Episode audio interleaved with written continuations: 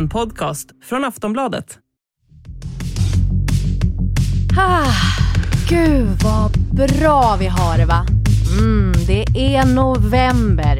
Det blir mörkare och kallare och det är som ren njutning att kliva upp ur sängen varenda dag.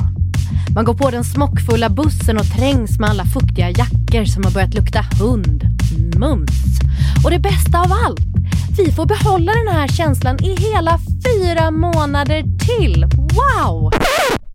Höstkänslan har slagit till som en slägga i ansiktet och det märks även i politiken. Varmt välkomna till Aftonbladets politikpodd med Lena Melin, My Råväder och mig, Soraya Hashim.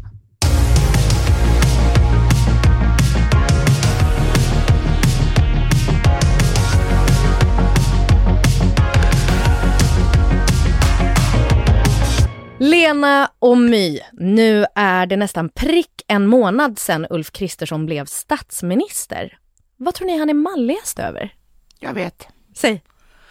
Att han får ringa president Zelenskyj och säga så här, hej Vol Voldemort. Uh, ja, ja, Voldemort. Vol ja, ja, vi har just tagit ett fyra miljarders paket som du ska få. Jag vill verkligen bara berätta personligen för dig att så är fallet. Alltså jag är helt med på det här.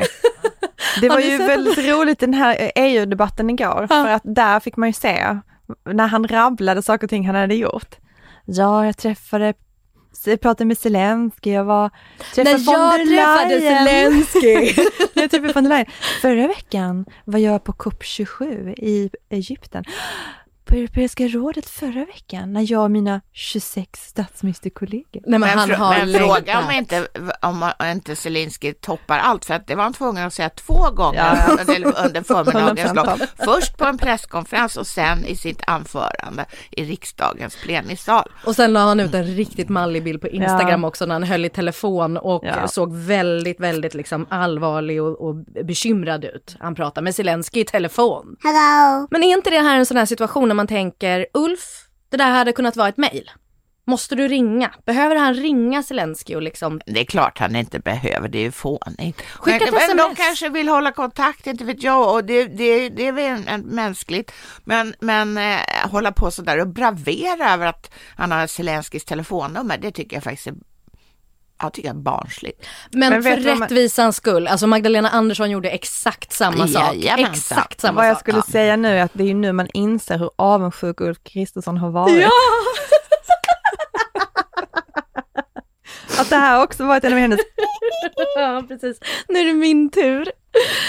Men hörni, jag, jag har en tanke här och det, och det här kan vara hösten och mörkret som ger mig tunnare hud i allmänhet. Men, men jag tycker mig ha identifierat att stämningen inom svensk politik inte är helt stabil och kanske rent av dålig. Det är provocerande att vi har en statsminister som ägnar sig åt historierevisionism. Jag har verkligen inte avstånd från en finansminister som lägger en budget som försöker reparera den skada som ni har åsamkat. Som politiker ska man genomföra de förändringar som krävs och kanske inte komma med allmänna stiltips är min bestämda uppfattning. Tack, herr talman. Ja, det är ganska provocerande med en statsminister som står och eh, far med osanning i talarstolen för att försöka dölja hur naken han och regeringen är i miljöfrågan. Jag följer gärna med till von der Leyen nästa gång därför att jag märker att den här regeringen inte står upp för svensk industri. Lyssnar man på Johan Persson så låter det som hela världen borde vara med i Schengen. Ja, man, det är ju lite skrattretande där. Jag vågar ju såklart inte ta mig ton om huruvida det är dålig stämning eller inte, eh, utan att först ha kollat av med er fröknarna Facit. Of course. Men idag vill jag veta, är det dålig stämning eller är det bara jag som vill skapa drama där drama inte finns? Och en plats där jag tycker mig ha sett gnissel och tandverk är Liberalerna. Hur mår de? Alltså de vet nog inte själva hur de mår. Det känns ju som att eh, de är i en dålig relation nu men de har inte riktigt förstått det än. De har inte riktigt förstått att det här kommer inte bli bra. Du menar i förhållande till de andra regeringspartierna? Ja, precis den här relationen och de har till Sverigedemokraterna. Ja. De upprätthåller den här känslan av framgång, men egentligen kommer den vara ganska lätt att sticka hål på och med tiden så kommer det liksom att gnagas ner den här liksom känslan av att vad bra det gick från början. Men Lena, i veckan så skrev ju du en kolumn där du kallade dem för ryggradslösa gelérottor.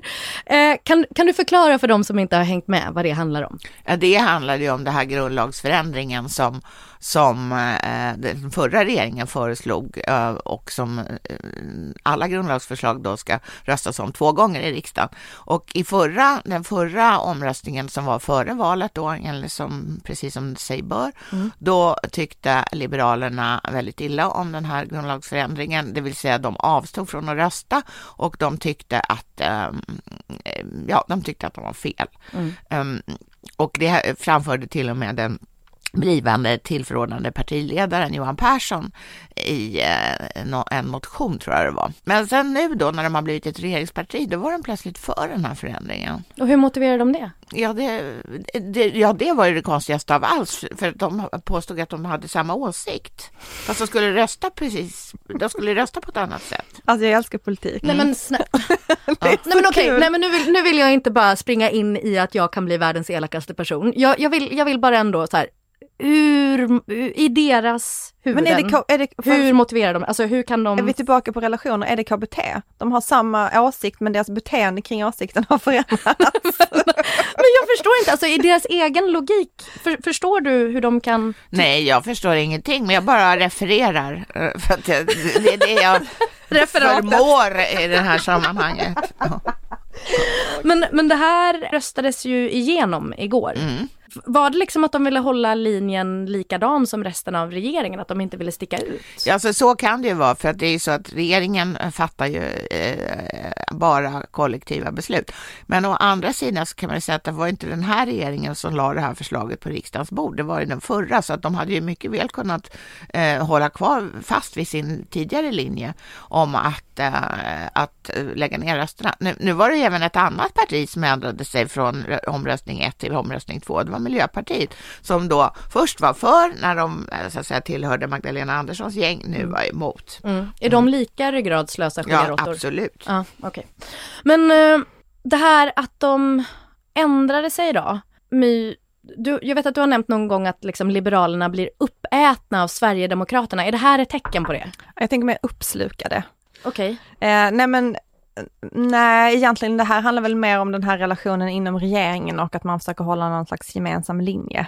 Eh, men jag tänker det här relationen med SD handlar mer om att deras röda linjer liksom långsamt suddas ut. Alltså det fanns ju ganska många från början de skulle lämna varje förhandlingsbord som gick emot deras principer. Det finns ett tidavtal som många liberaler tycker går emot mycket av deras principer i flera olika områden. Mm. De skulle knappt ha något samröre med Sverigedemokraterna. Det skulle inte sittas i regering, det skulle inte vara tjänstemän i riksdagen, det skulle inte, eller i, i regeringskansliet, det skulle inte förhandlas budget. Alltså nu är ju allting De här röda linjerna bleknar Ja, det har ju bleknat och det är ju egentligen bara att man inte sitter i en gemensam regering just nu som mm. är den röda linjen som är kvar.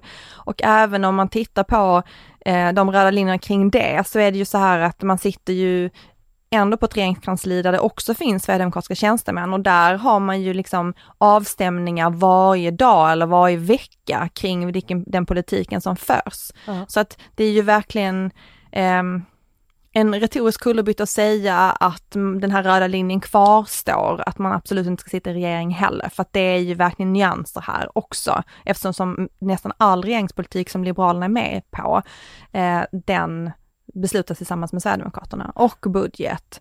Eh, och det finns ett inre kabinett då, där de frågorna som regeringen inte, som inte kan beslutas på olika typer av tjänstemannanivåer som den ska hissas till och då är det ju eh, Kristersson, Bush, Persson och Jimmie Åkesson som sitter där. Mm. Det är en väldigt suddig röd linje just nu.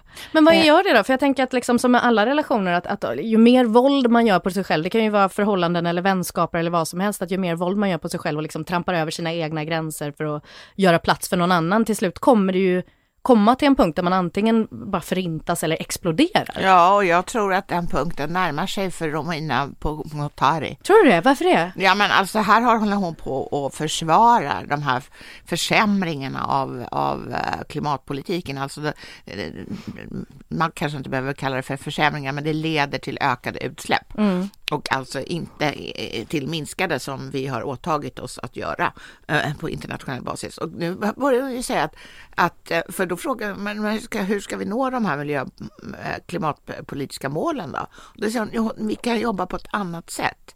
Ja, och då frågar man, är en naturlig fråga, hur? Mm. Där tar det stopp.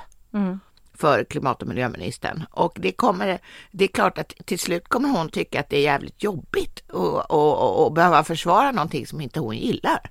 Jag såg senast i morse på eh, Morgonstudion hade de något klipp när, när hon står och, och liksom fortsätter och fortsätter och fortsätter säga Nej men det är jättebra, vi, vi är jättebra, vi är superbra på miljö här och, och det går fortfarande jättebra för oss. Och liksom, alltså det känns som att det börjar bli, tonen börjar höjas lite mer, det blir en lite ljusare, liksom svagare röst.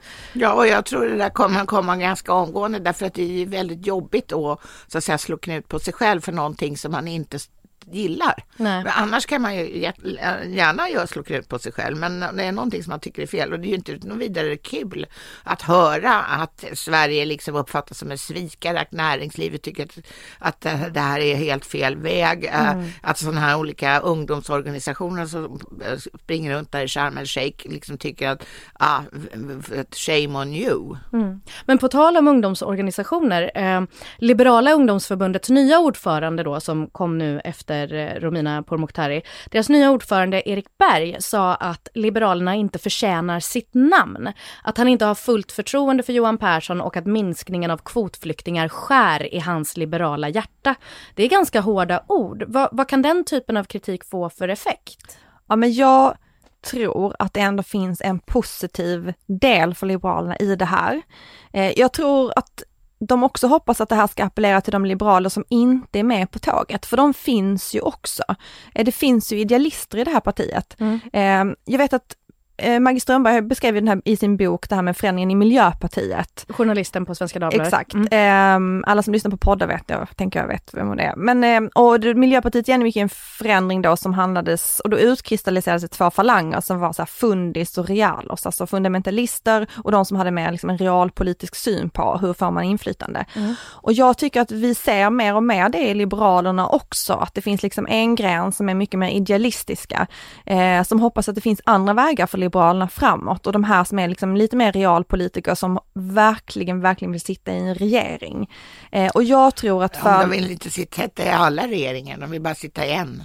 Ja, de vill sitta i den här regeringen. Ja, så att det, de är fundamentalister eller realos på liksom ett sätt som är väldigt, som där de har liksom tagit en ideologisk väg mm. som inte alla gillar. Nej. Ja. Absolut. Och jag tror att när det kommer den här typen av kritik inifrån rörelsen så kan den också var, eh, alltså, det kan också kännas bra för de liberalerna som då inte är med på det här liksom eh, stenhårda ideologiska tåget. Så att jag tror att det både kan vara jobbigt men också bra att man visar att det finns den här rörelsen också så att de har hopp som tycker någonting annat. Att det finns liksom någonting annat som kan komma också. Men är, är jag knäpp som tänker att det också kommer komma till en gräns där också? För jag menar, de kan ju sitta och, och, säga vad de tycker om och om igen, men de aldrig blir lyssnade på. Alltså jag tror att det här är jättedåligt för Liberalerna. Därför att de, Det här med Liberala ungdomsförbundet som kritiserar? Ja, alltså det är bra det är, att de inte bejakar den. Alltså det är därför ungdomar söker sig till Liberala ungdomsförbundet, för att de ska ha de här liberala yvighetsidéerna. Mm. Och när de, de kommer ju aldrig att anpassa sig, de kommer ju att lämna så att säga politiken eller syssla med att eh, gå in i någon intresseorganisation och få utlopp för sitt engagemang där, än att sitta i sådana församlingar som, som eh, deras moderparti nu har satt sig i.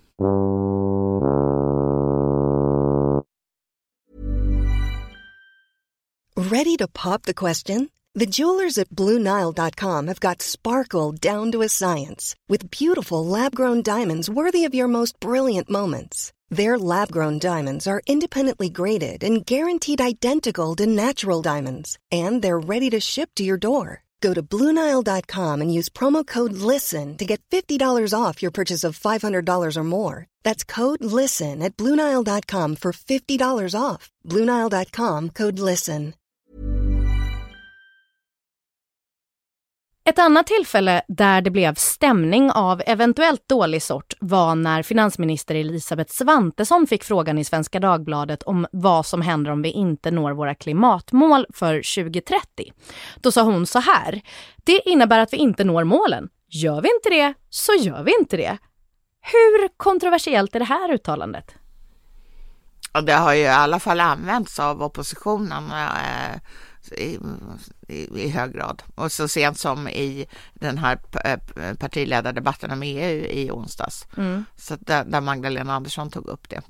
Herr talman! Jag har varit ett föredöme för världen låter ju bra. Men jag tror vi var många som eh, lyfte på ögonbrynen när vi läste intervjun med eh, Ulf Kristerssons finansminister i förra veckan. Det som händer om vi inte når klimatmålen, det är att vi inte gör det, sa hon. Jag snällt kan jag ju säga att regeringen redovisar en ödmjuk inställning till sin egen förmåga. Alternativt att ni helt saknar ambitioner. Alltså det borde ju vara Romina Pourmokhtari som är argast.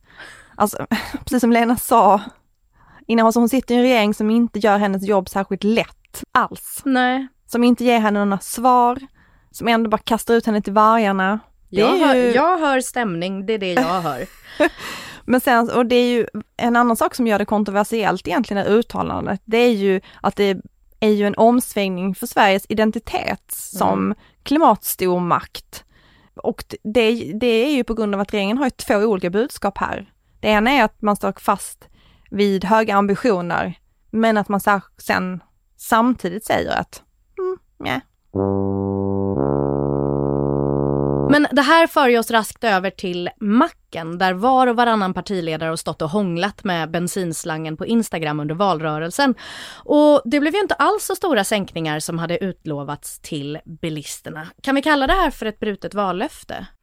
Det måste man nog ändå säga, för att mm. alltså, den här skatten sänks ju då med, med en krona, men i själva verket så blir det inte en sänkning med en krona eftersom samtidigt så räknas liksom skatten automatiskt upp. Det är inte helt stabilt löfte Nej. det där. Och, och, och löftet men, var väl också på många, många fler kronor än Ja, än men det, det, kommer, det finns ett steg två och det är ju att uh, regeringen vill minska den här så kallade reduktionsplikten, alltså inblandningen av biobränslen. De är dyra. Uh, ansökan är inlämnad till EU och EU ska behandla detta. Uh, vad regeringen vill att från 1 januari 2024, då vi absolut inte vet någonting om världsmarknadsprisläget på bensin och diesel, är att sänka den då ska sänkas till EUs miniminivå. Men det vet vi alltså inte om EU godkänner och i så fall anser eh, Sverigedemokraterna att den totala sänkningen vid pump är ungefär 10 kronor för diesel. Anser? Ja, det, kommer, det kan man inte säga för att alltså, priserna på, på själva råvaran eller den raffinerade råvaran går ju upp och ner hela tiden beroende på ja, om det är mm, stormar eller någonting annat. Alltså, eller OPEC får för sig någonting. Det är inte det mest stabila av alla löften Man vet liksom om. att liksom 10 kronor kan vara, eh, kan vara väldigt mycket mindre. Ja men det här har ju varit ett väldigt tråkigt vallöfte också egentligen för att dels att man inte lyckas så att alla människor, för det här känns ju verkligen för vanliga människor för att det känns ju i plånboken direkt varje ja, dag. Ja. Så att alla, alla påminns ju varje dag om vad som inte blev. Men sen är ju också alla som pratar om miljö, alla som jobbar med miljö, alla instanser, alla myndigheter, de är ju inte heller helt nöjda med det här eftersom det ökar utsläppen. Så det finns ju kritik från båda hållen. De som inte fick så mycket billigare och de som säger att det ändå ökar utsläppen. Men jag kan ändå känna så här, kan inte folk bara sluta lova saker de inte inte kan garantera att de kan Har hålla. Har du aldrig varit med om en valrörelse? Jo, men jag bara menar så här, nu känner jag, nu går jag in i liksom så här privata relationer igen mellan människor. Så här, sluta lova saker, säg att du vill att det ska bli så här. Men det var alltså, Magdalena Andersson fick ju ganska mycket kritik under valrörelsen därför hon gav ju inga vallöften. Ja. Och det beror ju på att det är nästan omöjligt att ge vallöften för att man kan säga att ens eget parti kan, eh, eh, vill verka i en viss riktning men eftersom ingen har 51 procent av, av rösterna rösterna om sig så kommer det ju aldrig bli precis som ett enda parti tycker. Men det, de, här, eh, alltså de här fyra partierna som, som nu samverkar i den här regeringssamverkan, de gav ju i och för sig inte helt, helt samma löfte på, på det här området, men de gav ju intryck av att det här skulle minsann genomföras till punkt och pricka. Så där, de hade ju inte anpassat sin retorik till verkligheten det minsta. Nej, alltså jag, jag funderar på om jag verkligen ska börja brinna för att politiker och folk i, i liksom generellt ska sluta lova saker och bara säga jag ska göra det mesta jag kan för att det ska bli ja, så här. men i så fall om du startar en sån rörelse kommer jag ansluta mig. Ja men fan vad trevligt. Men på tal om det, Lena, jag vill prata om ditt favoritämne, elen. Mm. Elen, äntligen! Elen är dyr, priserna har gått upp. Det kommer komma en vinter när folk behöver mer el och folk vill kompenseras. Hur gås det? Det går så dåligt. Ja. Det, det går så mycket dåligt måste man ändå säga. Uh, jag hör dålig stämning. Ja, men det blir jättedålig stämning, särskilt i relationen mellan så att säga, regeringen i det här fallet och väljarna eller elkonsumenterna. Man, det, man, det är klart hur mycket man får mm. om man bor i elområde 3 eller 4, vilket är de enda som omfattas av det här. Men när kommer pengarna? One doesn't know.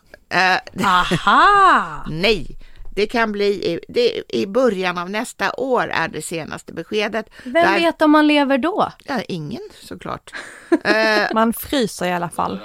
Man vet att man kommer frysa om de kommer på vägen i februari. dit. Och det är nämligen så, det är nämligen så att den, ut, den utbetalningsmodell som regeringen har valt att säga till om, uh, den gäller att utbetalning ska ske från Försäkringskassan och de, har, och de ska då ge pengar till 5 miljoner kunder som ju inte alla ens är privatpersoner utan många är företag, organisationer eller någonting annat sånt. Eh, och för det andra så har de inte ens kontonummer till alla privatpersoner så det är en jätteapparat. Ingen vet hur det ska gå till. Men, men eh, så är det också oklart om det blir någon mer elkompensation, vilket sades så sent som på regeringens presskonferens den 27 oktober. Så det jag hör är, den som lever får se och på vägen dit kommer man frysa och vara jävligt sur? Eh, precis, det är därför man måste göra som jag har gjort, köpa tjocka gardiner. Oppositionen då, hur är stämningen där? De förlorade valet. Förvirrad. Har de hämtat sig? Har de, liksom, har de tagit igen? Hur mår de? Nej, men Magdalena Andersson är ju såklart, hon, har, hon är inte jätteglad. Nej. Och det beror ju på att hon tycker att hon själv har gjort ett väldigt bra val. Alltså, stödet för Socialdemokraterna ökade ju för första gången äh, mer än liksom ett par tiondelar. Nu gick det ju upp två, på jättelänge. Nu gick det upp till två procentenheter nästan. Mm. Och, eller precis var det kanske. Uh, men trots det så förlorade hon ju valet och det berodde på att Centern gjorde ett så dåligt val och att Vänsterpartiet gjorde ett så dåligt val. Så hon är sur på dem för att de inte gjorde tillräckligt bra ifrån sig? Ja, jag vet ju inte om hon är sur, men jag tänker att om jag var hon så skulle jag tänka jädra, kunde de inte göra bättre ifrån sig så hade vi kunnat ha så himla kul här. Men några som tvärtom tror jag mår riktigt, riktigt, riktigt gott. Det är Sverigedemokraterna. Agree. Alltså de, de har ju ändå lyckats otroligt väl. Mm. I, sina förhand, i sin förhandling med, med så att säga regeringen Kristersson eller den blivande regeringen Kristersson. Vi pratade ju här i början om uh, Ulfs mallighet. Eh, kan man se den hos Sverigedemokraterna, malligheten? Alltså jag tycker att de är ju ett ganska självgott parti, eller de har varit det under många år redan.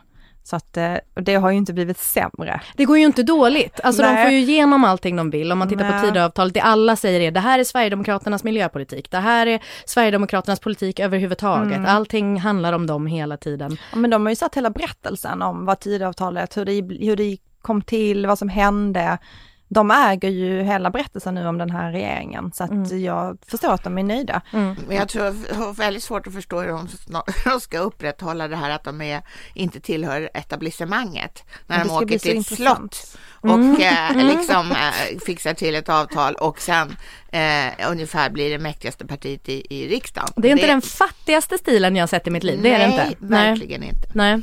Men eh, hur, hur liksom, vad vet ni om hur de agerar bakom kulisserna? Liksom, syns det i hur de är mot de andra partierna och hur det liksom går till till vardags? Jag tänker personer som mår bra, de, de agerar på vissa sätt. Jag efter. fiskar, ja, säg det, det bara. var för att vi hade lite skvaller här tidigare om att eh, de hade skämtat med Socialdemokraterna, satt upp någon slags vaktdocka som tittade in på deras kansli, som de fick ta bort för att det finns regler för hur man får pynta. Men jag tänker det är någon som busar på det där sättet på ett kansli mot ett annat parti, den mår så bra. De har ju mycket sån där humor grabbig studentikars humor. Ja, men så är det en annan kul grej med att Sverigedemokraterna och Socialdemokraterna nu delar samma byggnad i riksdagen för sina respektive kanslier. Mm. På tal om dålig stämning. Ja, men det, men det, är, det adderar till bra stämning. Det är nämligen att Sverige, förlåt mig, Socialdemokraterna har nu så att säga, utsikt över när det kommer regeringsrepresentanter eller till Sverigedemokraternas kansli i riksdagen. De har liksom full koll på, för det, de syns helt enkelt när de går in där i samma kod. Jaha, nu kommer med den och den ja, och ska ja. de anteckna, sitta där i fönstret. Ja, Men var det inte så att Magdalena Andersson gick fel också? Ja, det var ju också, det var ju också väldigt skojigt för att eh, de sitter så att säga upp på de tre nedersta våningarna sitter Socialdemokraterna och så sitter Sverigedemokraterna ovanför och så av någon anledning så, gick, så åkte Magdalena Andersson och hennes säkerhetsvakter fel, så de störtade in där på, för alla våningarna ser ju likadana ut, och in i köket och där står, så står två människor som blir jättes, med Sverigedemokrat-emblem på sina kavajslag och blir jättesura och typ tror att det, är en utsänd spion från Socialdemokraterna. Magdalena Andersson, ja. spionen. Ja, som ju då naturligtvis inte skulle användas om det var fråga om spionage på riktigt.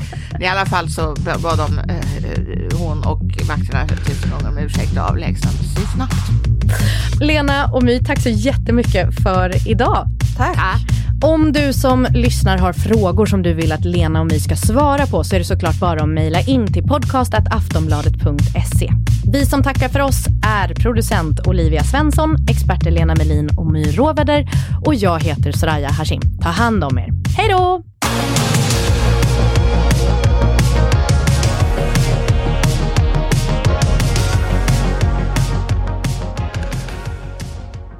Du har lyssnat på en podcast från Aftonbladet.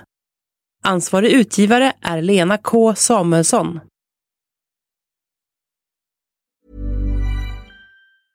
Ready to pop the question? The jewelers at BlueNile.com have got sparkle down to a science with beautiful lab-grown diamonds worthy of your most brilliant moments. Their lab-grown diamonds are independently graded and guaranteed identical to natural diamonds, and they're ready to ship to your door. Go to Bluenile.com and use promo code LISTEN to get $50 off your purchase of $500 or more. That's code LISTEN at Bluenile.com for $50 off. Bluenile.com code LISTEN.